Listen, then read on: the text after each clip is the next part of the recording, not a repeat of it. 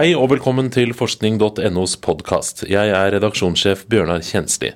I dag skal vi snakke om fluas fantastiske flyveegenskaper, og om demente som tar alternative medisiner mot hukommelsestap. Men først noen av de andre viktige sakene fra uka som gikk. Statistisk sentralbyrå har satt opp prisene kraftig. Forskere vi har snakket med er bekymret for at det skal gå utover kvaliteten på forskning, fordi mange prosjekter ikke har råd til å kjøpe de dataene som trengs. I noen tilfeller har prisen på informasjonen blitt mangedoblet. Blant annet sier Camilla Stoltenberg, som er direktør ved Folkehelseinstituttet, at de nå sliter med å gjennomføre bl.a. en studie på selvmord og en om innvandreres helse, fordi opplysningene de trenger, koster så mye å få ut fra Statistisk sentralbyrå. Det er til tross for at selve dataene er offentlige, men det er saksbehandlingen som koster penger. SSB selv sier at de er nødt til å øke prisene pga. økt etterspørsel, og fordi forskere er ute etter mer og mer kompliserte sammensetninger av data. Men de sier også at nye løsninger er på trappene, og de skal gjøre det enklere og billigere for forskerne å få tilgang til de enorme datamengdene. Salget av reseptfrie legemidler med nikotin økte med 12% i 2013. 40% av nikotinholdige legemidler for røykeavvenning ble solgt utenfor apotek i fjor, i dagligvarebutikker, kiosker og bensinstasjoner. Det viser fersk salgsstatistikk for legemidler fra Folkehelseinstituttet. Men ifølge forskningen er det ikke sikkert om disse midlene er så effektive hvis man vil slutte å røyke. En forsker vi snakket med sier at det er mange årsaker til at andelen røykere stadig går ned. Og hun sier også at økt bruk av nikotintyggis og spray og sugetabletter også kan skyldes at mange røykere bruker eh, disse midlene på steder der det ikke er lov å røyke. Og det er jo stort sett overalt hvor man er innendørs. Vi har vel alle hatt eh, bananfluer på kjøkkenet eller borte ved søppelbøtta en eller annen gang i løpet av livet vårt. Og hvis man har prøvd å, å veive etter de og, og, fange de eller drepe de, så kan man se at de er eh, ganske flinke til å fly. Og nå har forskere sett eh, nærmere, og de har sett veldig nærme, på hvordan denne bananflua egentlig flyr. Og journalist Arnfinn Christensen, hvordan flyr bananflua? Ja, Det de har sett spesielt på, det er den utrolig raske unnvikelsesmanøveren som disse bananfluene gjør. Og den ligner på veldig mange måter på den, den svingen som et uh, jetfly kan gjøre. Den legger seg over i en uh, ruller over på siden, og så smetter den rett ut til sida. Eh, bananflue er jo enda mye raskere enn en jetjager. Den gjør dette på rundt en hundredels sekund. Og den gjør det på en mye mer subtil eh, måte. Den har ikke sånne stive vingeklaffer som, et, eh, som rorene på et fly. Den har jo de vingene sine som flakser 200 ganger i sekundet, som den gjør sånne små, nesten umerkelige bevegelser med. Og dette har da forskerne funnet ut av. Hvordan har de klart å studere bananfluas flyveferdigheter så nært på? Ja, det er helt uh, spesiell apparatur de har brukt. De har hatt en liten sylinder som bananflua har fløyet gjennom. Inni den sylinderen så er det vegger av flytende krystaller, sånne som du har i TV-skjermen. Så det har blitt akkurat som et kjempedigert, kromt Imax-lerret for denne lille flua. Da. Og der har de vist den ultimate skrekkfilmen for en bananflue, nemlig en mørk skygge som blir større og større det er fienden, selve fienden. Og det er da bananflua gjør denne unnvikelsesmanøveren. Så har de filmet dette med kameraer med 300 ganger, altså hastigheten på opptaket satt ned 300 ganger. Så de kan se det i ultralangsom film hva som skjer. Og de er filmet med tre kameraer i infrarødt lys, sånn at de kan analysere uh, i tre dimensjoner og lage en tredimensjonal datamodell. Og mm. dette, her, dette, her, kan de som leser på forskning.no se denne videoen av bananflua og av modell, datamodellen. Mm. Men alle insekter flyr jo forskjellig, og, og forskjellig igjen fra, fra, fugler og forskjellig fra fly, som du sa. Ja. Eh, bananflua er jo da en flue.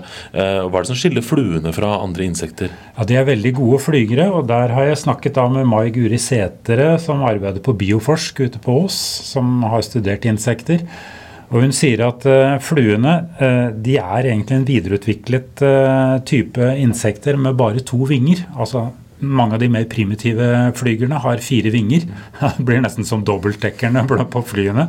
Og Der kan du f.eks. tenke deg tordivler eller humler eller litt sånne større, litt mer klumsete flygere.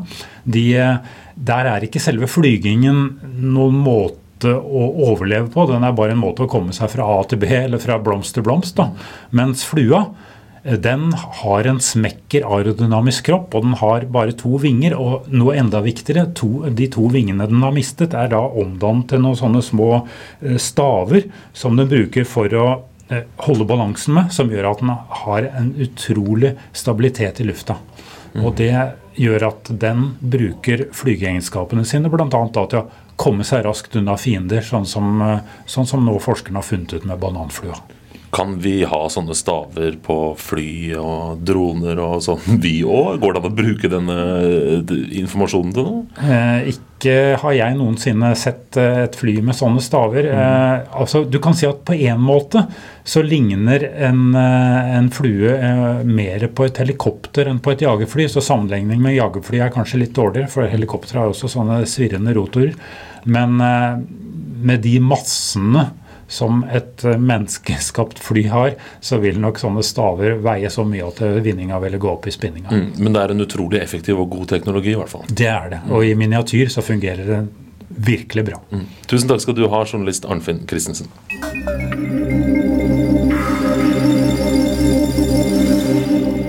En ny studie som er gjort ved Universitetet i Tromsø, Norges arktiske universitet, har kartlagt bruken av alternativmedisin blant personer med demens. Studien viser at mange bruker naturmidler som Vitapro og fiskeolje, bl.a. fordi eh, de tror de hjelper mot hukommelsessvikt. Journalist Marianne Nordahl, hva er det som er så farlig med at demente tar alternativmedisin? Det kan være litt eh, flere ting. Eh, det ene er at mange demente bruker allerede reseptbelagte legemidler som, eh, som, kan gi en usikker virkning av disse her eh, Eller som koble, eller blanding av dette her og naturmedisin. Mm. Det kan ha en uheldig virkning. Kanskje naturmidlene kan forstyrre virkningen av legemidlene. For eksempel så, for eksempel, hvis man har satt på blodfortynnende medisin Her er det nevnt en som heter Marvan da er det viktig at eh, blodflyten, blodleveringen i kroppen, er stabil, sånn at man verken skal få blødninger eller blodpropp. Og da, eh, ifølge disse forskerne som eh, har gjort denne studien som vi nå snakker om, så er det faktisk så sier leger at de har fått, fått inn tilfeller hvor begge deler har skjedd. Altså blodpropp man ser en slags kobling mellom reseptbelagte legemidler og bruk av naturmidler sammen. Mm. Hvor en sånn alternativ medisin da, enten har fått denne medisinen som de går på fra før av, til å funke sterkere eller funke svakere? Nei, eh, er, jeg vet ikke helt om man kjenner til helt sånn mekanismene her, men man vet i hvert fall at, uh, at disse at disse naturmidlene på en måte kan, kan forstyrre mm blod, blodflyten, da, mm. som er eh, dumt. Spesielt ved blodfortynnende medisin. Mm. Hva slags studie er det de har gjort i Tromsø? Det er jo ikke en kjempestor studie. Det er en um, studie av 150 demenspasienter ved en uh, hukommelsesklinikk i Bodø. Og disse forskerne her de gjorde studien litt fordi de hadde et inntrykk av på forhånd at ganske mange demente brukte naturmidler. Så de ville prøve å kartlegge det. Det de fant, var jo at Omtrent halvparten av disse demenspasientene brukte eh, naturpreparater. De var litt overraska over at det ikke var flere. For de hadde venta seg at det var en uh, det større andel. Så målet for studiet var rett og slett bare å finne ut hvor mange som brukte det av dem. Mm. Uh, det som kan være litt uheldig, er at uh, naturpreparater er lite undersøkt. Mm. spesielt i bruk med, sammen med reseptbelagte legemidler. Mm. Det er en komplikasjon.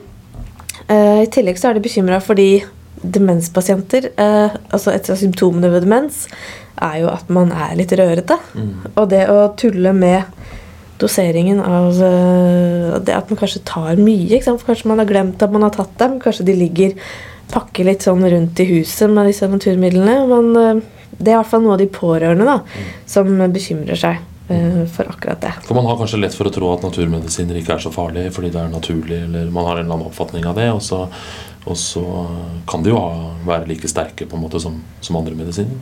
Kanskje. Mm. Eh, eller det er jo også sånn at eh, en del av disse her har, disse demenspasientene har kjøpt dette her gjennom telefonsalg, blant annet. Mm. Og da har man jo ikke fått noen andre til å vurdere om det, om det kan være en risiko ved det. da.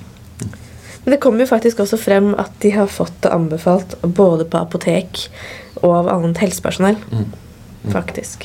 Hva mener forskerne da bør gjøres for å, for å altså enten da informere leger om at, eh, at folk går på dette her, eller, eller for å passe på da at de demente ikke får i seg eh, for, masse forskjellige rare typer medisiner? Ja, De skal i hvert fall følge opp studien. Eh, De skal snakke med fastleger om Fordi det er fastlegene som ofte møter mange av disse pasientene. Og om bruken av alternativ medisin i en kombinasjon med reseptbelagte legemidler. I tillegg da, så skal de jo snakke med apotekansatte, fordi de har funnet ut at de noen ganger tydeligvis anbefaler dette her til, eh, til demenspasientene. Og høre med dem hvor, hvor godt grunnlag de føler at de har for å anbefale dette, rett og slett. da. Mm. Gjøre de oppmerksom på risikoene, kanskje. Kanskje. Mm. Tusen takk skal du ha, journalist Marianne Nordahl. Sakene om Statistisk sentralbyrås prisøkning, og om demente som tar alternativmedisin, og den om nikotinholdige legemidler, og også om bananfluas flyveegenskaper, kan du lese på forskning.no. Og vi er tilbake i neste uke med en ny podkast.